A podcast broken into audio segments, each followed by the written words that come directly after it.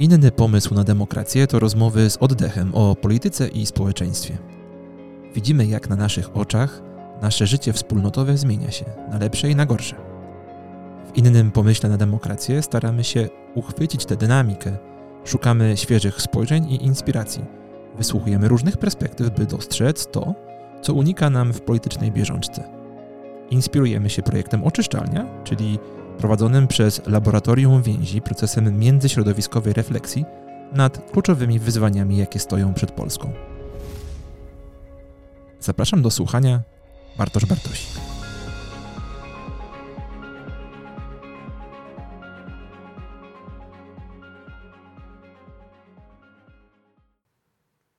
Pokładamy w niej wielkie nadzieje.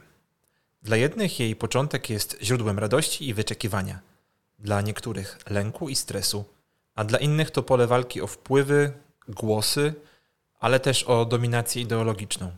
Dla jeszcze innych to przestrzeń realizacji ważnych projektów, obszar spełniania marzeń i planów, choć trzeba też przyznać, że w debacie publicznej najczęściej słyszymy narzekania na nią. Z drugiej strony, możliwe, że to samo dotyczy każdego mm, tematu społeczno-politycznego, więc ta uwaga jest dość generalna w Polsce. Szkoła, bo o niej mowa, wraca po wakacjach. Jaki to będzie rok szkolny? Jak bieżące wydarzenia i debata ją kształtują? Czy szkoła może być przestrzenią kształtowania świadomych osób i obywateli, a także przełamywać największe wyzwania społeczne?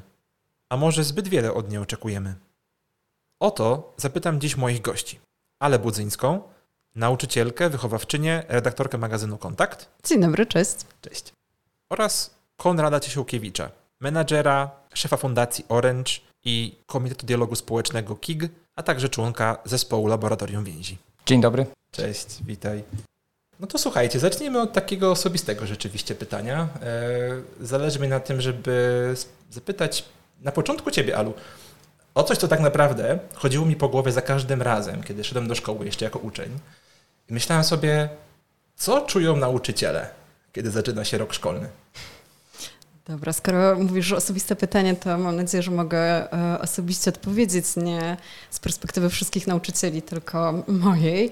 E, no ekscytacja oczywiście, tak jak e, to podobne uczucie chyba jak uczucie uczniów, kiedy zbliża się właśnie ten koniec sierpnia, w sklepach pojawiają się artykuły papiernicze. Wszyscy już czują, że coś nowego się zbliża. Nowego, ale właśnie starego. E, no więc na pewno, na pewno ekscytację, e, ale oczywiście trochę niepokoju e, związanego z tym, jak to będzie w tym roku. I tak jak sobie o tym myślę, czym ten rok będzie się różnił od tych wcześniejszych, to chyba tym, że nie wiadomo znowu, co, co niespodziewanego się wydarzy.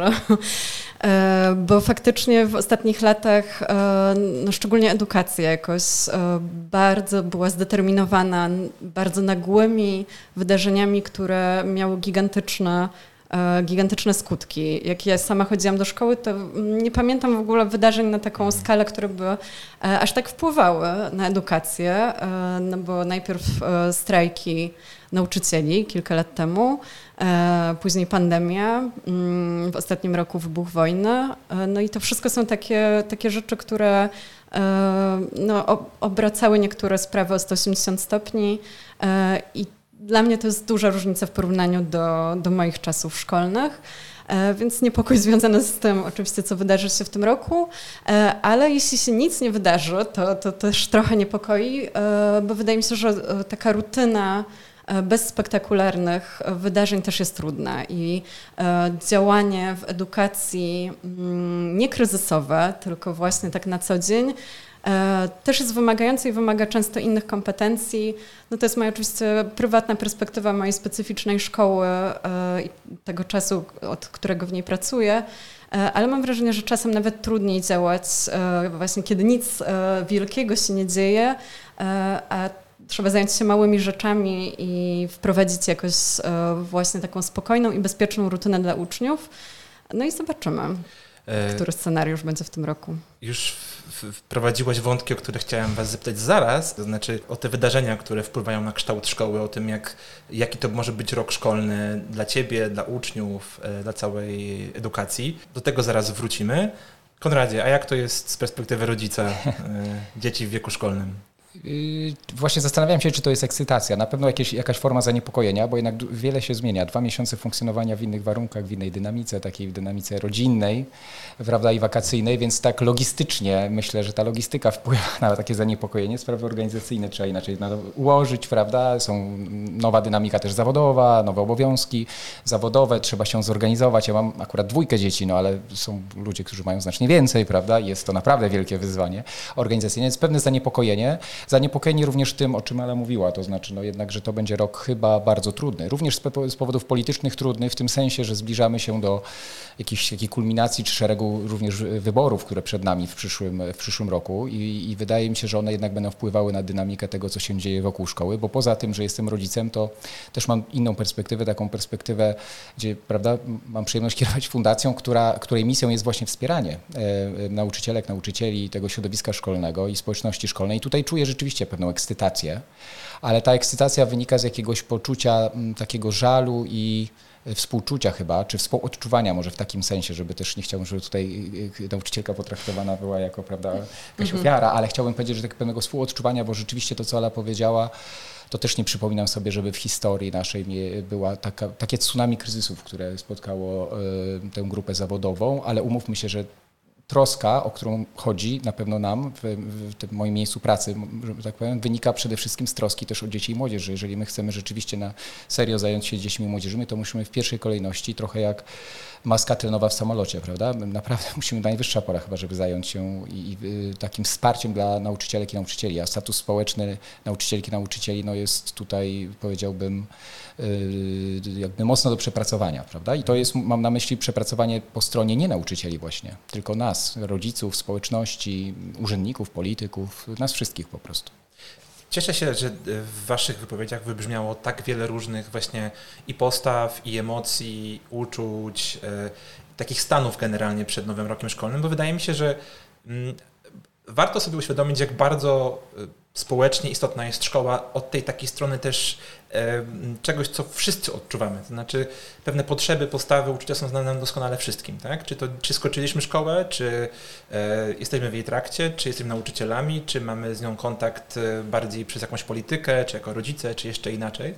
E, to ta szkoła mm, zawiera w sobie taki potężny ładunek emocji, postaw, który po prostu znamy z codziennego życia. E, więc cieszę się, że to wybrzmiało, bo wydaje mi się, że to jednak musi być, nawet jeśli jest to jakaś rozmowa ekspercka, czy pewnych perspektyw specyficznych wypowiadane są te wasze głosy, to jednak ona dotyczy każdego, e, każdej Polaki. No wydaje mi się, że też nie chcę, nie, nie chcę, psuć planów, ale wydaje mi się, że jest na tyle krytycznie ważna, że wbrew e, temu, co sobie pewnie na co dzień myślimy, to szkoła ustawia nam życie e, wokół, wokół nas, wszystkim, wszystkim, mhm. od juniora do seniora, prawda? No bo jednak funkcjonujemy w podwójnym roku szkolnego, bez względu na to, gdzie pracujemy, co robimy, tak funkcjonuje, tak funkcjonuje kalendarz e, normalnego roku, więc e, my wszyscy w jakimś sensie chodzimy pod dyktando szkolne. Jasne. E, I w związku z tym chciałem do tego nawiązać, co mówiliście. Mówiliście o tych wielu kryzysach, niemalże takie tsunami wydarzeń, które wpływa na szkołę, na szkołę dzisiaj. Jaki to będzie rok szkolny? Bo, bo wspominaliście prawda, i wojnę, i strajki nauczycieli, i temat pandemii. Mm, co ten rok może przynieść według Was nowego, innego? Nie wiem, czy to przyniesie. To jest raczej moje myślenie życzeniowe, ale patrząc na to, ile na przykład wakatów jest w samej Warszawie, e, które i tak wydaje mi się, że jest całkiem niezłej sytuacji, patrząc na tle całej Polski, e, no to ja cały czas sobie myślę e, o tym, e, że może w którymś momencie nastąpi jakieś takie tąpnięcie, że wszystko się tak zawali, że sytuacja wynagrodzeń nauczycieli no po prostu będzie musiała się zmienić i to tak rewolucyjnie, a nie tak jak do tej pory. E, no oczywiście mm, jakaś moja realistyczna strona sobie myśli, że, że jest to właśnie dosyć życzeniowe myślenie. No ale ten wiszący właśnie protest e, planowany przez ZNP e, no, też jakoś może to zwiastuje. No, też e, jak zaproponowałeś tą rozmowę i zaczęłam się zastanawiać nad um, możliwymi tematami, e, wątkami, które bym chciała poruszyć, to oczywiście jest, jest, ich bardzo dużo, ale no niestety bardzo wiele z nich prowadzi do tych wynagrodzeń nauczycieli. Jak zaczęłam się zastanawiać nad iloma kwestiami, które pozornie wydają się, że nie mają żadnego związku z wynagrodzeniem nauczycieli, i my bardzo często w debacie publicznej mam wrażenie, że próbujemy te kwestie sprowadzać na inne tory.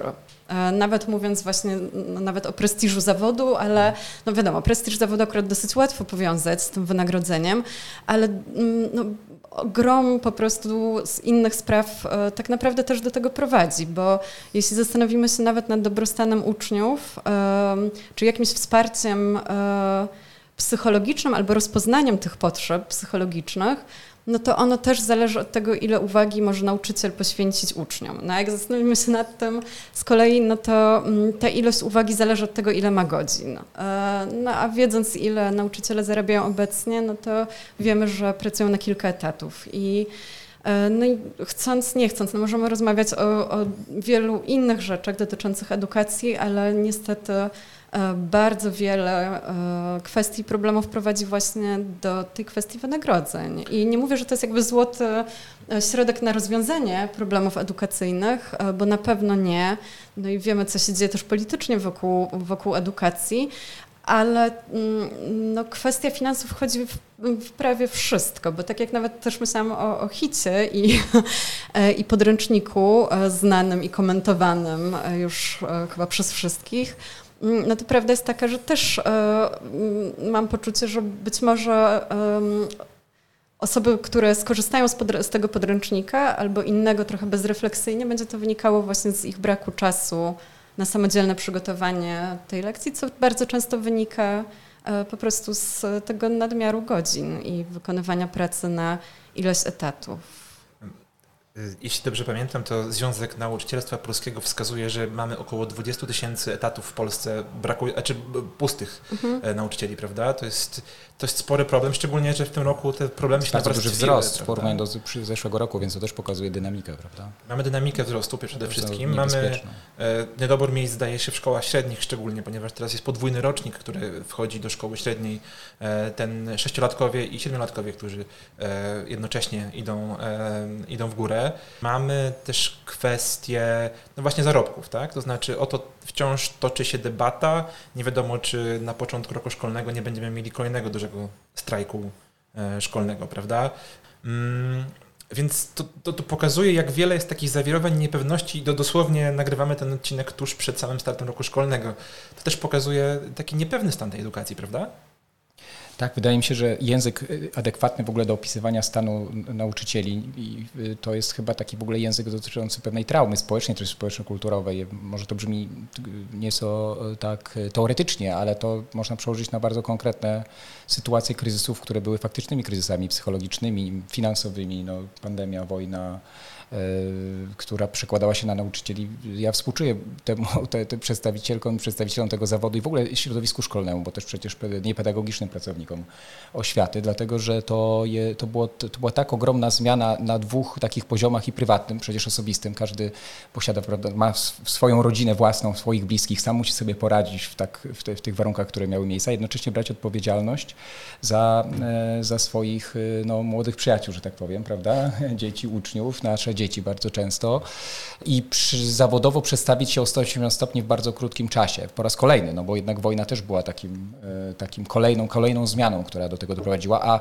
strajki, który, największa akcja protestacyjna, która miała miejsce w 2019 roku od lat 90. z tego co e, pamiętam, była też akcją strajkową o bardzo silnym takim wymiarze tożsamościowym. To znaczy on w jakimś sensie poniósł porażkę zdaniem niektórych, ale jednak to, że nauczyciele mieli czas ze sobą rozmawiać, to wynika z moich też rozmów z wieloma nauczycielami, z tym środowiskiem, że, że to, że mieli czas, też uświadomiło im wiele. Czasami uświadomiło to, że trzeba odejść z zawodu, niestety, prawda? To jest bardzo takie doświadczenie właśnie też w jakimś sensie traumatyczne i no, wydaje mi się, że jeżeli my nie będziemy mówili tym językiem o tym, y, czego doświadcza ta grupa zawodowa, to bardzo trudno nam będzie zrozumieć, w jakim położeniu są te osoby. A to są osoby, które bezpośrednio odpowiadają za, y, mają wpływ na nasze dzieci, ale nie tylko na dzieci, bo wydaje mi się, że o nauczy- zawodzie nauczycielskim należy w ogóle myśleć znacznie szerzej. Mianowicie to jest taki trochę archetyp y, bardzo wielu zawodów w gruncie rzeczy nie ma zmiany społecznej bez społecznych kosztów albo z zminimalizowaniem kosztów społecznych bez zawodu nauczycielskiego. Jeżeli nie ma nauczycieli, to nie mamy w ogóle szeroko pojętych takich zawodów edukatorek, edukatorów, animatorów społecznych,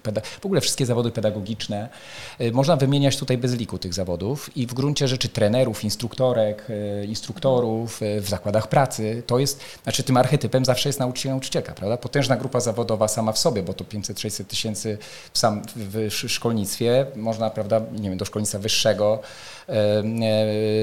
pójść gdzieś też około 90 chyba do 100 tysięcy osób e, pracujących. Jest to gigantyczna grupa zawodowa, która jest w jakimś sensie no, niezaopiekowana nie tylko przez jakieś iluzoryczne państwo, tylko też w ogromnej mierze przez, przez nas. Ja przypomnę, że ostatnia akcja strajkowa w 2019 roku to była akcja, w której taki wektor konfliktu był bardzo wyraźny, prawda, między rodzicami. Wydaje mi się, że teraz my też jesteśmy na takiej granicy, że rodzice są bardzo dalece od zrozumienia stanu e, takiego sytuacji, w której są, e, są nauczyciele. Wydaje mi się, i, i to chyba, co trzeba zrobić, to jest naszym zadaniem, mam na myśli takim obywatelskim trochę zadaniem, to jest właśnie próba zrozumienia sytuacji, w jakiej znajdują się dzisiaj nauczycieli, że to jest naprawdę krytyczne. To znaczy warunek konieczny to jest e, kwestia materialna, to w ogóle nie ulega, to jest warunek w ogóle konieczny, wielu innych zmian, o których się oczywiście domagamy, chcemy. Zresztą punkt wyjścia. To jest punkt wyjścia, mhm. tak, tak, no bo to jest też element jakiś, przez pryzmat którego jest odczytywany status społeczny nauczycieli. Ja też przyglądaliśmy się badaniom, sami realizowaliśmy badania tuż po, w trakcie COVID-u jeszcze, dotyczące, e, dotyczące statusu społecznego nauczycielek, nauczycieli. To jest w ogóle ciekawe, bo kiedyś IBE też, Instytut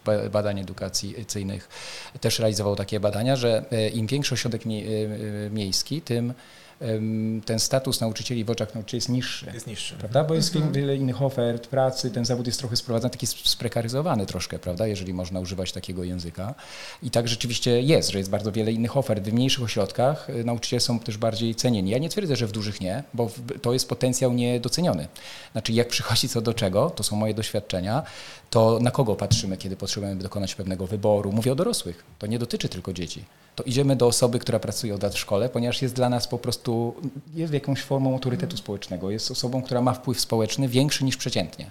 Zatrzymamy się na chwilę w tym miejscu i skoro mówicie o nauczycielach i tym, e, jaką pełnią rolę społeczną, Mówiłeś, Konacie, o traumie, więc chciałem na chwilę przyjrzeć temu problemowi. To znaczy, jakie siły oddziaływują na nauczycieli dzisiaj w Polsce? Co powoduje, co te traumy tworzy? Co ten klimat trudny, społeczny wokół tego zawodu tworzy? E, bardzo jest ciekawe to, co powiedziałeś o, o, tym napięciu między rodzicami a nauczycielami, bo myślę o tym podobnie i dobrze to słyszeć z tej drugiej e, perspektywy. To powszechne doświadczenie zdaje się. E, tak, ale mało się mam wrażenie o tym mówi, mhm. e, że to było widać też podczas strajku. No, były wprawdzie jakieś akty solidarności e, z nauczycielami ze strony rodziców oczywiście, ale e, no, daleko to nie był strajk wszystkich, tak jak wszystkich edukacja jakoś dotyczy.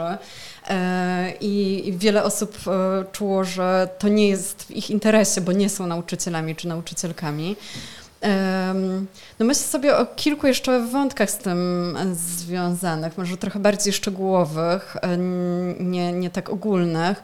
E, jeden z takich wątków e, to jest to odchodzenie nauczycieli, o, których, o którym powiedzieliście, które dokonuje się nie tylko jako odchodzenie z zawodu, ale odchodzenie z publicznej oświaty do prywatnej. No i oczywiście trudno mi o tym mówić, no bo sama pracuję w prywatnej szkole, więc może to brzmieć może trochę jak hipokryzja, no ale gdybym mogła, to bym na podobnych warunkach, gdybym mogła, to bym wolała pracować oczywiście e, w państwowej szkole. E, no jeśli chodzi właśnie o ten konflikt między rodzicami e, a nauczycielami, to wydaje mi się, przynajmniej w dużych ośrodkach, no, w jakiejś liberalnej bańce w Warszawie, takie mam poczucie, że trochę tak to działa, że rodzice, no, mając tą świadomość tego, że mogą posłać dziecko do prywatnej szkoły, no, czują, że walka o, o tą publiczną edukację, no to już zupełnie nie jest ich, e, nie stoi w ich interesie. E, no i mm, no bardzo łatwo po prostu no, tym osobom szczególnie opuścić system, a za tym idzie to, że osoby wpływowe no, przestają się w ogóle tym interesować tak naprawdę. No i to no wydaje mi się, że jest jakąś ciemną stroną um, prywatnych szkół. No w ciągu ostatnich lat no dynamika rozwoju tego sektora w ogóle szkolnictwa prywatnego była jakaś też no nieporównywalna z tym, co działo się wcześniej. E, trzy lata temu chyba, e, w 2019 roku, co e, dziesiąty uczeń w szkole w ogóle, co dziesiąty uczeń w Polsce, przepraszam, był uczniem prywatnej szkoły. A no w ciągu tych trzech lat to się, myślę, tylko powiększyła ta skala.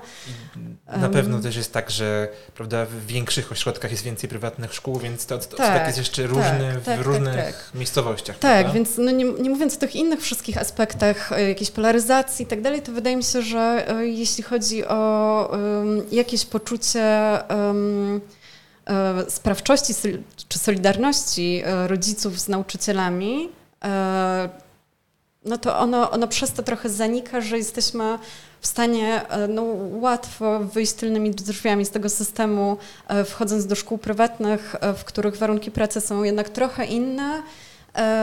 No i wi wiadomo, że elastyczność w ogóle jest trochę większa. Dobrze, chcesz uniknąć hipokryzji, żeby nie mówić o tym, o nie wiem, przewagach czy zaletach mm -hmm. prywatnego bycia nauczycielem w prywatnej szkole od publicznej, ale dopytam cię może w taki sposób. Mm, co spowodowało, że ty powiedziałaś, że gdybyś miała podobne warunki, to może byś podjęła pracę w publicznej szkole. Mhm. E, to czym się te warunki różnią w takim razie? Czym się różnią warunki, czy dlaczego bym chciała? W... E, czym, czym się różnią te warunki, mhm. że jednak jesteś w prywatnej e, placówce? Mhm. no, to są oczywiście warunki dotyczące bardzo różnych rzeczy, no bo z jednej strony e, oczywiście zarobków, nie ma co absolutnie ukrywać, e, atmosfery w pracy,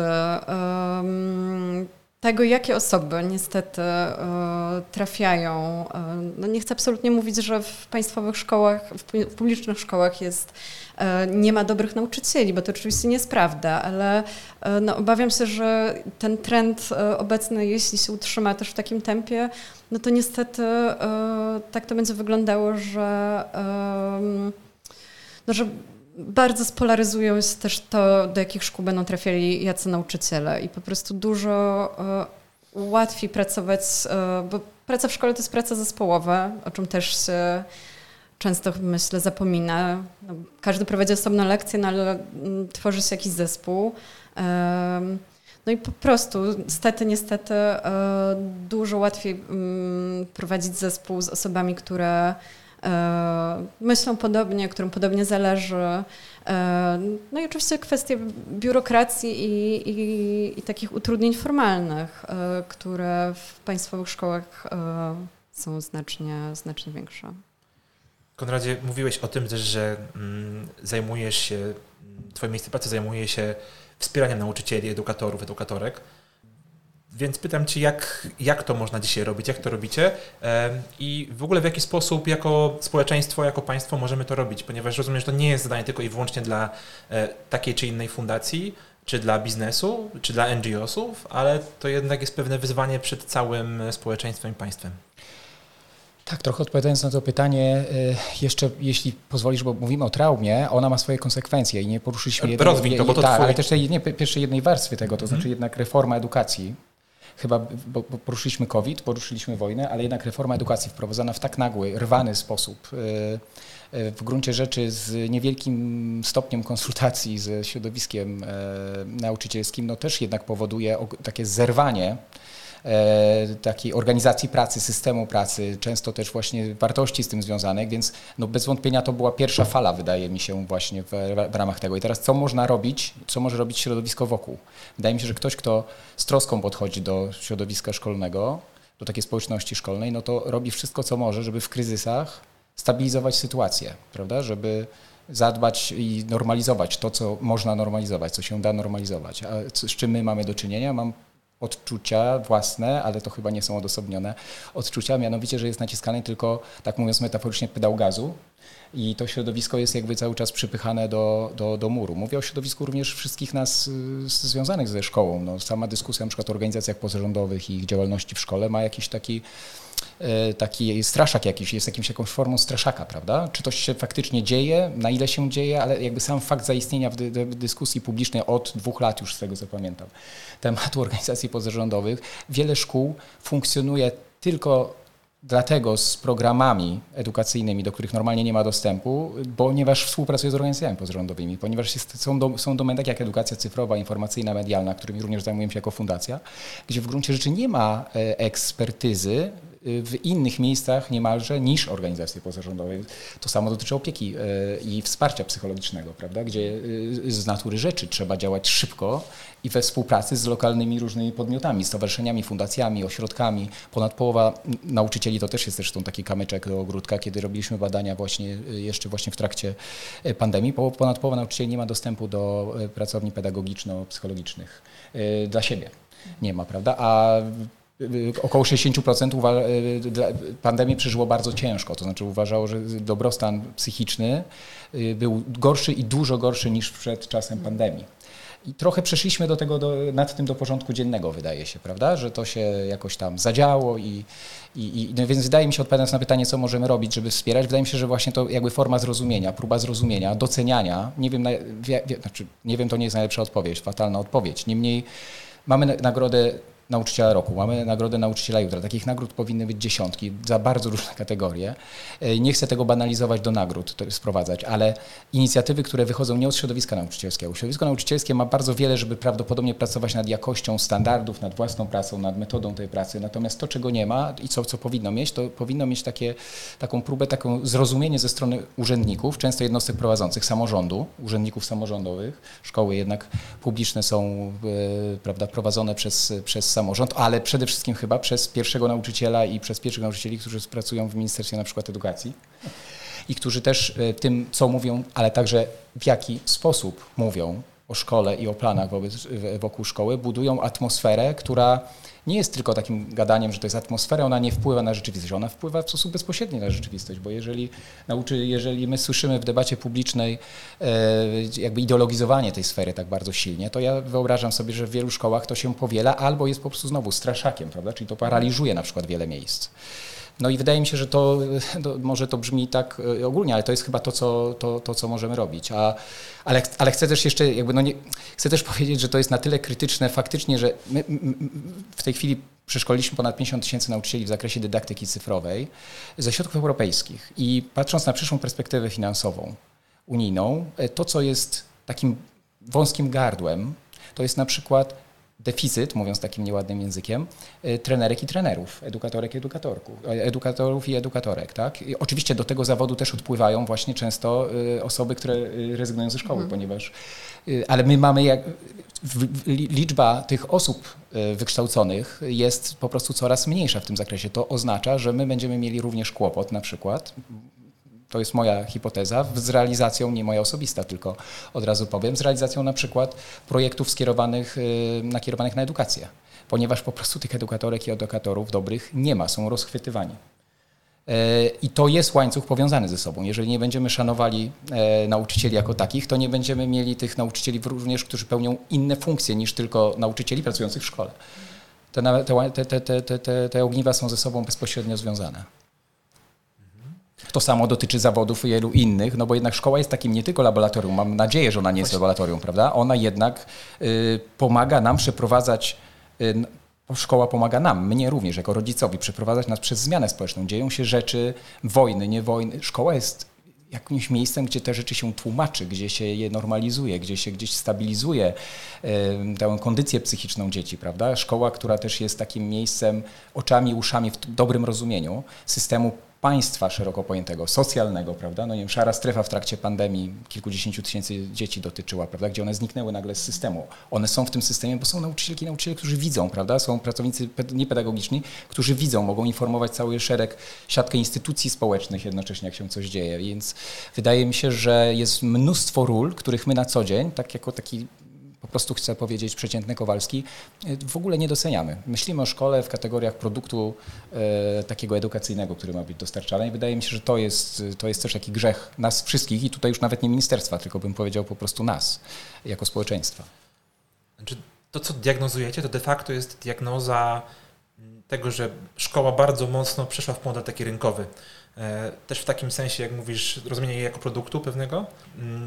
Być może te konflikty z, między nauczycielami a rodzicami też wynikają z tego, że rodzice po prostu często sami pracują na polskim rynku pracy, który, w którym warunki pracy są, są trudne, E, pracujemy więcej niż inne narody, często za niższe, niższe stawki, na gorszych rodzajach umów i tak dalej. Też podobnych, e, podobne mają oczekiwania od nauczycieli, że też będą pracowali więcej niż inni, że będą dawali siebie jeszcze więcej, że czemu zwracają głowę rodzicom, skoro przecież płaci się im za to, żeby e, byli w szkole i pracowali z dziećmi, więc to taka, taki rodzaj mm, spychania odpowiedzialności e, z siebie przez grupy, które tak naprawdę mają tożsame interesy, tożsame problemy, które po prostu wynikają z pewnego właśnie takiego bardzo, bardzo rynkowego podejścia do życia społecznego. Czy się zgadzacie z takim, pod, tak. z takim tak, chyba tak. Chyba tak. Do tego się też taka rywalizacyjna, prawda? Nie wiem jak w szkołach prywatnych. Oczywiście jest coraz więcej szkół, coraz więcej nauczycieli, też to widzimy. Zresztą też taki paradoks troszeczkę, bo rozmawiamy w dużym mieście, bez wątpienia w Warszawie ale na przykład nasze doświadczenia od 15, 16, 17 już, przepraszam, lat, prawda, pracujemy w ogóle ze szkołami w całej Polsce. I większość szkół w naszych programach, programach edukacji informacyjnej i cyfrowej, to są szkoły z, raczej z mniejszych miejscowości. Tak się po prostu to ułożyło, prawda. Oczywiście my też mamy bardzo mocno, jakby chcemy włączać szkoły z terenów, powiedzmy, wykluczenia społeczno-cyfrowego, to nie musi dotyczyć terenów i niewielkich szkół. Ale nasze doświadczenia mówią, że na przykład nauczyciele ze szkół, e, to co jest pewną na jakimś takim wzorem do naśladowania e, właśnie w szkołach małych, to są relacje na których się wszystko opiera. I to są różnice, e, to są te, znaczy wielkie kombajny miejskie, warszawskie, i e, małe szkoły, gdzie e, duże, gdzie jest silna anonim, zanonimizowana relacja praktycznie tak naprawdę i społeczność, która cała żyje tym, co się w szkole dzieje, prawda? I jedzie, jedzie się do szkoły, też pod Częstochową w zeszłym roku otwieraliśmy program akurat stamtąd po prostu, kolejną edycję programu po prostu, to chcę powiedzieć.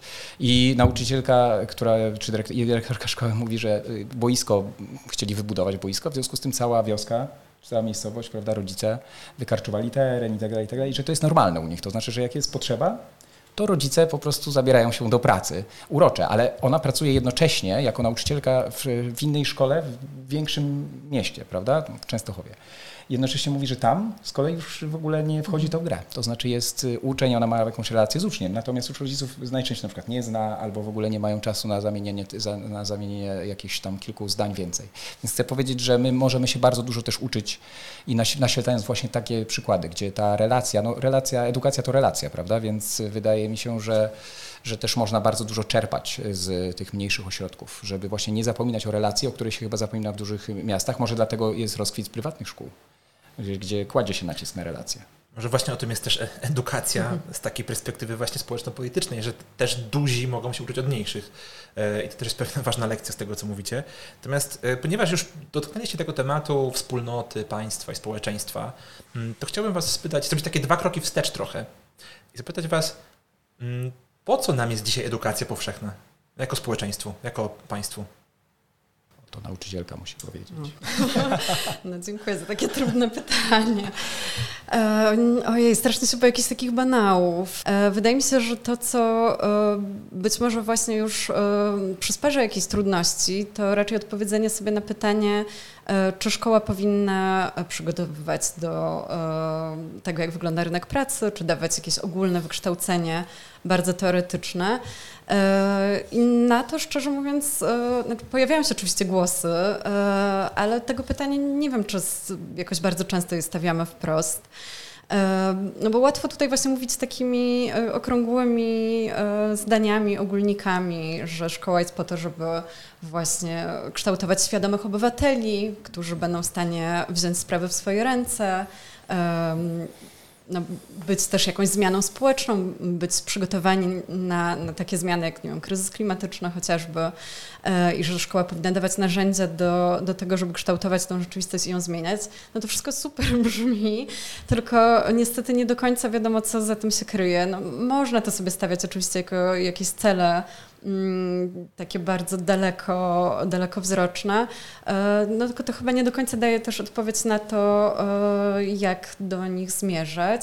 A gdzieś po drodze być może jest e, trochę, trochę więcej bardziej konkretnych rzeczy właśnie, jak na przykład ta kwestia tego dylematu czy, no, czy to po prostu, czego uczymy się w szkole, na ile powinno być no, w cudzysłowie praktyczne, e, jaka jest wartość e, takiego ogólnego, teoretycznego wykształcenia.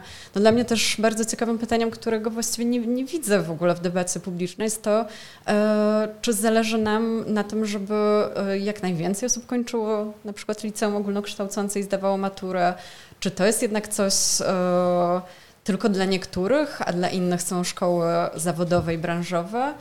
Mm, no to się jakoś dzieje tak siłą rozpędu e, i no moim zdaniem bardzo to było widać e, dobrze przy tej reformie ostatniej, e, że tego namysłu w ogóle nie było i no, ja widziałam naprawdę tylko pojedyncze głosy e, dotyczące mm, na przykład zmiany podstawy programowej z polskiego, które no, zmienia całkowicie maturę podstawową, która mm, jest warunkiem zdania tego egzaminu, zdania tej matury. E, no i przynajmniej na papierze wygląda to tak, jakby e, no, ona skoczyła o ileś poziomów wyżej i Myślę, że tak nie będzie. No to raczej nie będzie tak, że nagle nie zda jej 50% uczniów, ale tak czysto teoretycznie trochę tak to wygląda. A dyskusja o tym, e, czy,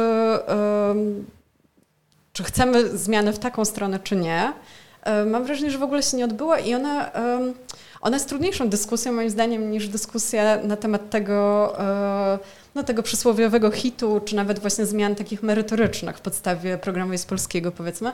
No tutaj bardzo łatwo powiedzieć, że, mm, no, że są tam głupoty, y, jakaś indoktrynacja za pomocą jakichś takich metod y, no, po prostu topornych straszliwie. A, no i to jest łatwo skrytykować i, i zauważyć. A to e, właśnie mm, na, na, ile na przykład matura jest czymś e, no, elitarnym powiedzmy, a na ile jest egzaminem dla wszystkich, e, to jest już trudniejsze pytanie, bo ono mam wrażenie wymyka się takiemu prostemu podziałowi czy jesteśmy prorządowi, czy antyrządowi. Może dlatego też jest tak trudno na to pytanie odpowiedzieć, że to tak naprawdę nie jest pytanie o samą szkołę jako taką, mhm. tylko w ogóle o jakiś taki e, cel, dążenie, ambicje całego znowu społeczeństwa i państwa, w jakim żyjemy, prawda? No bo szkoła do tego koniec końców zawsze jakoś, e, jakoś też służyła, to znaczy powszechna edukacja w XIX wieku rozwinęła się między innymi po to, żeby zapewnić większą liczbę prawda, mm, robotników i urzędników dla aparatów państwowych i robotników dla fabryk, tak? To znaczy ta rola była bardzo ważna i potem to też mm, jakby rozwijało się w kolejnych krajach, w tym w Polsce w XX wieku bardzo mocno ten odsetek skolaryzacji, prawda, podskoczył e, właśnie pod tym kątem i z tego powodu. E, po transformacji e, ustrojowej, gdzie polikwidowaliśmy w Polsce przemysł, zamknęliśmy zawodówki, między innymi wspomniane przez Ciebie, mm, wydawało się, że szkoła ma nas uczyć prawda, tego właśnie przedsiębiorczości nas uczyła, na przykład nie uczyła przedsiębiorczości, chociaż mało z tego pamiętam, poza tym, że nauczyciel e, nas bardzo zachęcał, żebyśmy brali kredyty studenckie, e, bo to taka super oferta jest dla, dla młodych ludzi e, i to właściwie tyle mi z tego zostało. Natomiast no, to jest znowu pytanie, jaki dzisiaj jest ten nasz cel? Może ten hit wcale nie jest tak, tak abstrakcyjnym mm, punktem debaty, bo jednak to jest też jakaś próba odpowiedzi na pytanie, po co nam jest edukacja. Znaczy hit, e, historia teraźniejszość próbował pokazywać, że jest nam po to, żebyśmy wychowywali obywateli w duchu takim bardzo nacjonalistycznym, prawda? E, I to jest też jakaś odpowiedź na to pytanie. Można powiedzieć, że jest zła, niebezpieczna e, e, i tak dalej, no ale jest to jeden, jedna z tych możliwych odpowiedzi, prawda? Ale Konradzie, chciałeś dodać coś do tego, co. Nie wiem, czy w hicie bym, nie wiem, czy w hicie bym widział taką nacjonalistyczną, bardziej bym widział taką bardzo jakby wizję właśnie takiego, no, tak, taką depozytową po prostu formę przekazywania wiedzy, mhm. prawda? To znaczy jak do pustego dzbanu po prostu przelewa się do, ma się przelać konkretna e, wiedza, bez, nie podlegająca troszkę dyskusji, prawda? Takie zaprzeczenie trochę takich dialogicznych Publicystyka, form, nie no. tylko, prawda, wiedza, ale to jest też jednak publicystyka. No tak, ale to nie, jest, to nie jest zaproszenie do dyskusji no wokół problemów, którymi żyjemy, tylko to jest w zasadzie przekazanie, już pomijam, że podręcznik ma 500 ileś stron, prawda, 512 albo 530 stron, z tego co pamiętam, posiadam egzemplarz. E, samo to już powoduje, że bardzo trudno jest wpasować go w, e, prawdopodobnie do, do, do, do pracy takiej nauczycielskiej. Jest on bardzo obszerny też, prawda, czyli to nie jest jakby stawianie problemów, na które patrzy się z różnej perspektywy, ponieważ ta perspektywa tam jest bardzo cenna i y, jest on jakby pełen opinii. Opinii, no to chcę po prostu powiedzieć, że wydaje mi się, że ja bym tutaj dorzucił jedną jednak bardzo ważną rzecz, która y, gdzieś umknęła nam nie tylko w tej dyskusji, ale chyba umknęła nam po 90 roku. To są też moje doświadczenia pracy takiej wychowawczej, jako też wychowawca, który instruktor harcerski, ale przez lata pracowałem ze szkołami, z, dyrek z dyrekcjami. Wydaje mi się, że w ogóle była pewien lęk po 90 roku dotykania tematów wychowawczych y, i pedagogicznych. Ja to dostrzegałem, że szkoła pracuje do 16, ona wcześniej pełniła bardzo wiele funkcji społecznych, prawda? Y, w których żyliśmy, mieliśmy, nie wiem, harcówki, były kluby sportowe, były SKS-y. One się oczywiście wciąż dzieją w wielu szkołach, prawda? Ale jednak działy się na zupełnie już innych warunkach. Szkoła nie miała takiej odwagi, przynajmniej to są moje doświadczenia, o których mówię i one wiem, że są nie tylko moimi doświadczeniami, więc pozwalam sobie o nich mówić. To jest y, i dzisiaj chyba nie mamy takiej właśnie jednoznacznej odpowiedzi o to właśnie, że szkoła jednak pełni funkcję wychowawczą. I ta, może, ta, może ta funkcja wychowawcza, taka obywatelska właśnie hmm. jest, ona jak jak, jak rozmawiamy o różnych dokumentach, również urzędniczych, to tam bardzo dużo miejsca poświęcamy, wiem, bo pracuję w różnych gremiach tego rodzaju, właśnie do e, rynek pracy, dopasowanie do rynku pracy. Wydaje mi się, że to jest w ogóle też bardzo niebezpieczne.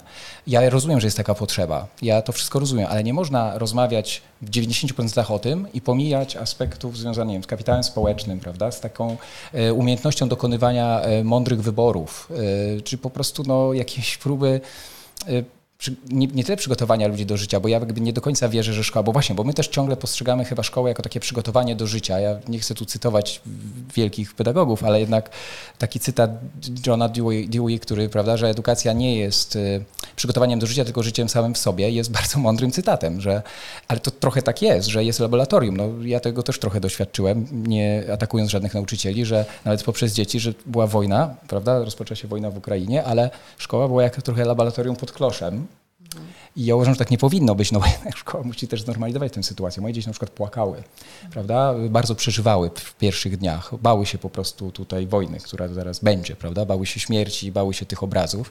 Wydaje mi się, że szkoła też jednak służy, tam wychowawczyni akurat stanęła w pewnym momencie na, absolutnie na wysokości zadania, prawda? Ale wydaje mi się, że ona jest właśnie o tym, co tu i teraz się dzieje, a nie ciągle odraczaniem, że to jest jakieś przygotowanie tam do życia. To jest bardzo wygodne też, tak sobie myślę, dla polityków, ponieważ oni mogą różne rzeczy robić, i ona ma jakby, ale szkoła ma być pod kloszem, prawda? To jest niemożliwe. No, życie jednak toczy się swoim tokiem. Ich wpływ pedagogiczny jest ogromny, ogromny tylko to jest taki nieuświadomiony wpływ, y, albo przynajmniej udawany, że jest nieuświadomiony i nieuświadomiony wpływem. Więc myślę, że szkoła powinna bardzo zajmować się jednak problemami, takimi, które są tu i teraz, zachęcać do rozwiązań, do rozwiązywania problemów, czyli powinna się opierać jednak na próbie dotykania z różnych perspektyw, krytycznej perspektywie, prawda, żeby dotykać problemów, integrować jednak też, no to jest w ogóle teoretycznie ambicja polskiej edukacji, że pro, e, program edukacyjny powinien być zintegrowany w szkole, czyli jeżeli ty mówisz o przedsiębiorczości, to ja sobie wyobrażam, że dlaczego on jest tylko o kredytach? On powinien być na przykład o proaktywności obywatelskiej, dlatego że przedsiębiorczość jest pewną cechą psychologiczną i on na nie, można być przedsiębiorczym aktywistą organizacji pozarządowej, można być przedsiębiorczym nauczycielem, można być przedsiębiorczym urzędnikiem. Nie trzeba być przedsiębiorcą w rozumieniu zakładać własnej firmy. Y, ale my rozumiemy przedsiębiorczość, to jest przedmiot kolejny. To samo rozumiemy, w, jak rozmawiamy o edukacji dla bezpieczeństwa. Pomijam trochę przepraszam, głupią dyskusję o strzelaniu i nauce strzelania, moim zdaniem, jako odpowiedzi na zagrożenie ze strony rosyjskiej, ale jednocześnie yy, to jest znowu o przedmiocie. A przecież to jest jakaś edukacja, nie wiem, w szerokim rozumieniu, ja wiem, że to naiwnie bardzo brzmi, prawda, dla pokoju, która jest jakąś filozofią w ogóle funkcjonowania szkoły. Może w ogóle po to szkoła jest, żeby przygotowywać nas do pokojowych relacji, takiego współżycia pokojowego, prawda. No to chcę tylko powiedzieć, że nie, nie, nie jestem decydentem, ciężko jest mi sobie, ale myślę, że mamy bardzo daleko od tego modelu, który teoretycznie zawsze głosimy, czyli że właśnie ona dąży do integracji, że te przedmioty są ze sobą powiązane, że język polski współgra tam z informatyką, z historią. W praktyce to tak nie działa, nawet nie działa na takim poziomie wartości, gdzie właśnie mówimy o pokoju, gdzie mówimy o kapitale społecznym i z jednej strony może brzmi to banalnie, a z drugiej strony nie poświęcamy temu miejsca, ponieważ jak przychodzi do czego, to y, potrzebujemy wskaźników, prawda, jak, ma, jak się zmienia rynek rynek pracy. Ale w ogóle nie patrzymy, że mamy poziom zaufania dzisiaj do siebie, czyli kapitału społecznego, minus 70%. Tego jakoś nie, nie dostrzegamy. A przecież jak mamy naprawiać kapitał społeczny, jak nie zajmiemy się y, społecznością szkolną? Z Waszych wypowiedzi powstaje taki obraz szkoły jako niezwykle dynamicznego mm, systemu, który, na który wpływają, e, wpływa wiele czynników. I to zarówno takich czynników mm, bardzo światowych, globalnych, prawda, zmiany technologiczne, mm, wojna, pandemia, jak i bardzo lokalne, prawda? Mówiliście tutaj, wymieniliście ich bardzo wiele, e, od pensji nauczycielskiej, od warunków pracy nauczycieli, od relacji, e, wsparcia psychologicznego itd., tak itd. I chciałem Was tak na koniec już właśnie zapytać o to, jak szkoła dzisiaj może nam pomóc odpowiadać na takie właśnie wielkie wyzwania, e, które wiążą się z tym, co się dzieje na świecie, z tym, jak doświadczamy rzeczywistości, z tym, że na przykład właśnie płaczemy, jesteśmy przerażeni tym woj wojną, tym, że może, może nam coś zagrażać. Czy szkoła jest w ogóle takim miejscem, które na takie wyzwania dzisiaj może odpowiadać i to w takiej relacji bezpośredniej nauczyciel-uczeń? Czy raczej to jest za dalekie oczekiwanie już od szkoły? Czy to nie jest trochę tak, że w szkole podkładamy tak wielkie nadzieje, że ją przeładowujemy naszymi nadziejami? E, no, odpowiadać jakoś na pewno tak.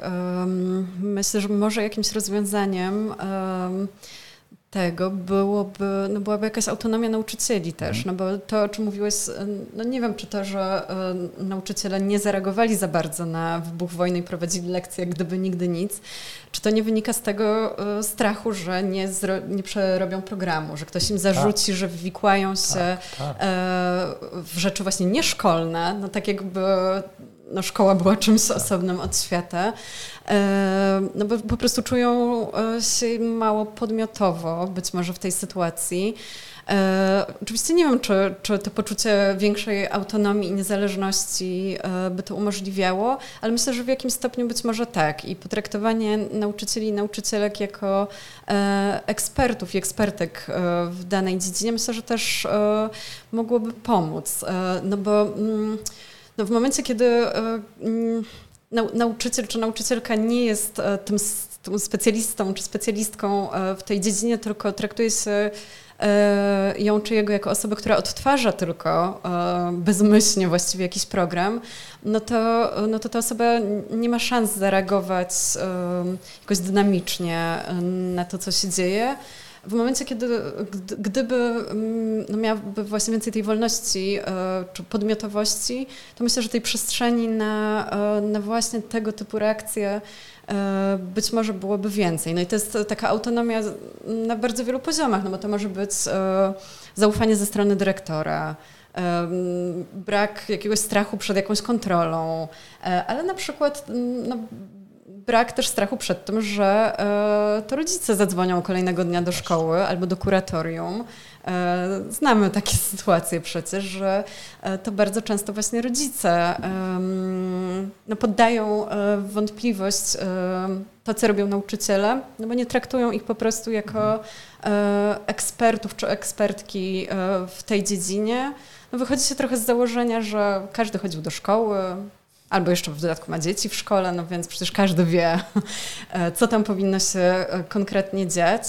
E, no i to, to myślę, że bardzo, bardzo wpływa um, również właśnie na ten aspekt reagowania, um, no bo w tym reagowaniu po prostu trzeba być samodzielnym i spontanicznym w jakimś stopniu, no a to wymaga jakiejś pewności, pewności siebie i pewności, że to otoczenie ma do nas zaufanie, no i jakoś zawierzę, że to, co robimy, że stopujemy na tydzień lekcje i zajmujemy się omawianiem sytuacji, które nas dotyczy tu i teraz, e, ma sens i e, no, w jakimś dłuższym dystansie będzie dużo bardziej owocne mm, niż no, trzymanie właśnie siebie i naszych uczniów i uczennic pod kloszem. Czyli znów raczej wspieranie nauczycieli i uczniów niż wymaganie rozliczania od nich, prawda, konkretnej podstawy programowej od A do Z.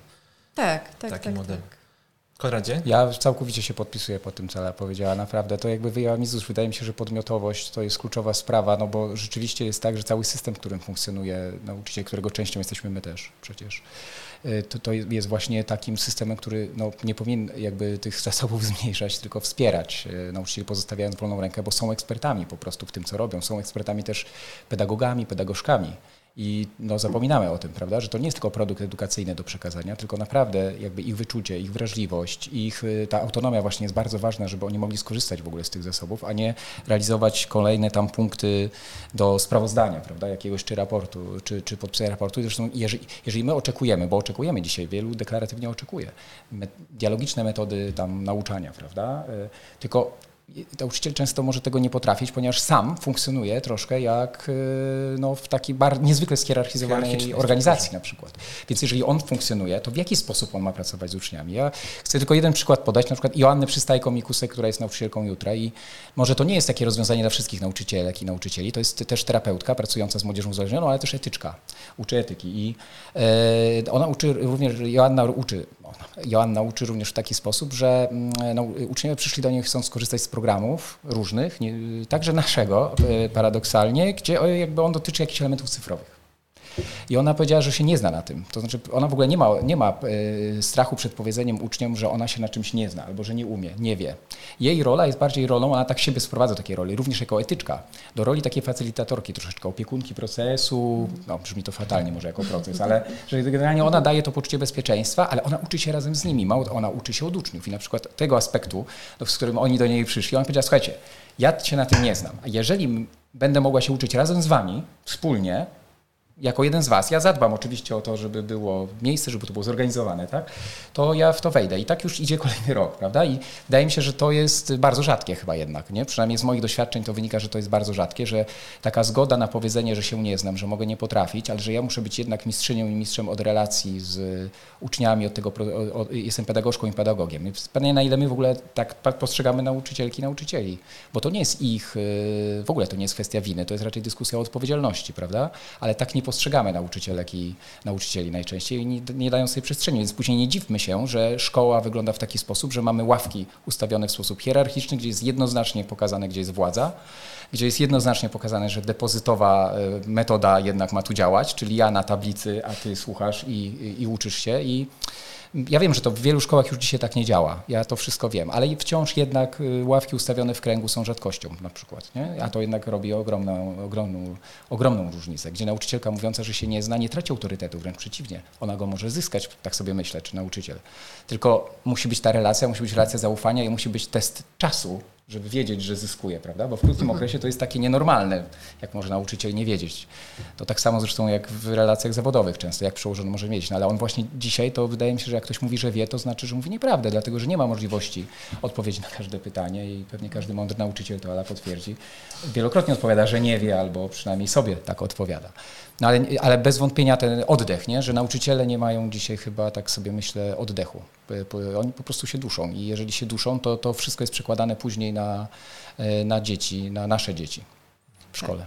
E, tylko dopowiem, że mówiąc o tych ekspertach czy ekspertkach, oczywiście nie chodziło mi o tego nauczyciela stojącego wysoko na katedrze, daleko od tak, uczniów. Tak, no ale tylko... Na nauczaniu znasz się ty, prawda? E, nie, tak, tak, tak, ale że zupełnie nie chodziło o, o, o, ja o to, że nauczyciel ma być w tej tradycyjnej roli, tylko raczej właśnie, że jest osobą, która, której można zaufać, że świadomie prowadzi właśnie jakiś proces. To dotyczy oczywiście... też tych reform, prawda? Tak, że nauczyciele tak, powinni tak. być pierwszą grupą, która, której się pyta, co zmienić i jak zmienić. No, Mhm. No to tak. tego dotyczy, no bo tak, tak, tak, tak jeżeli tak, to, tak. To, to dotyczy ich zawodu, to w jaki sposób pomija się też organizacja. Ja wiem, ja rozumiem, że jest dzisiaj potężny konflikt polityczny między organizacjami, choćby największą organizacją związkową, prawda, a, a rządem, a jednak ta organizacja związkowa skupia ponad 200 tysięcy pracowników. Mhm. E, ma swoje tradycje, jest w zasadzie no, trochę takim zawsze drugim ministerstwem, czy, y, które ma ogromne kompetencje w tym zakresie. Nie można tego konfliktu y, tak moim zdaniem ustawiać, y, gdzie ta, ta druga strona ma być w jakimś sensie no,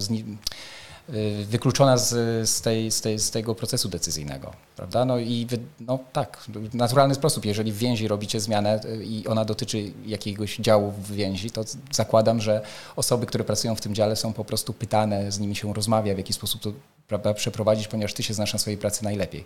A mam e, takie poczucie, że jednak nauczycieli tak bardzo nie pytamy. Mamy bardzo dużo przekonań wobec e, tego zawodu. Na pewno z perspektywy tak mojej patrzę, to znaczy organizacji pozarządowych, rodzica, tak to wygląda. Ale oczywiście ze strony przez media, czytając media, czy słuchając wypowiedzi politycznych, to tak mi się wydaje, że również to dotyczy tej sfery decydentów po prostu. Że wie, wiedzą lepiej często. Nie, nie chcę też obarczać tutaj, przerzucać takiej winy. Jedno, to jest bardzo trudna, tru, trudne zadanie. To jest trudne zadanie, ale, ta, ta, ale tak trudnych zadań nie wykonuje się bez w silnym konflikcie. Szczególnie po takim, takiej fali tsunami kryzysu, który mieliśmy. Pomyśl, przypomniało mi się teraz podczas tej rozmowy naszej billboardy, które niedawno po całej Polsce wisiały. Gdzie są te dzieci? Wiemy, że dzieci będą w szkole już od jutra, one tam będą i, i to jest miejsce, gdzie, gdzie uczą się właśnie, jak, jak mówiliście w tej rozmowie, takiego współżycia obywatelskiego, mm, uczą się siebie nawzajem, też wzrastają jako osoby i i z Waszych wypowiedzi wynika, że powinniśmy po prostu tym dzieciom i ich nauczycielom życzyć e, jak najwięcej podmiotowości, mm, dobrych warunków pracy i współpracy i współuczenia się, bo e, jak zwróciliście też uwagę, e, to uczenie się dzisiaj jest jakoś wzajemne, jest dwukierunkowe, a nie tylko jednokierunkowe. I z tą myślą zostawiam naszych słuchaczy. Dziękuję bardzo Wam za rozmowę. Mm, moimi gośćmi byli dzisiaj Ala Budzyńska. Dziękuję. I Konrad Ciesiałkiewicz. Dziękuję bardzo. Dziękuję. Do widzenia. Wysłuchali Państwo podcastu Więzi. Naszą działalność można wesprzeć w serwisie Patronite na patronite.pl omane przez więź. Za wszystkie wpłaty serdecznie dziękujemy. Zapraszamy na naszą stronę więź.pl.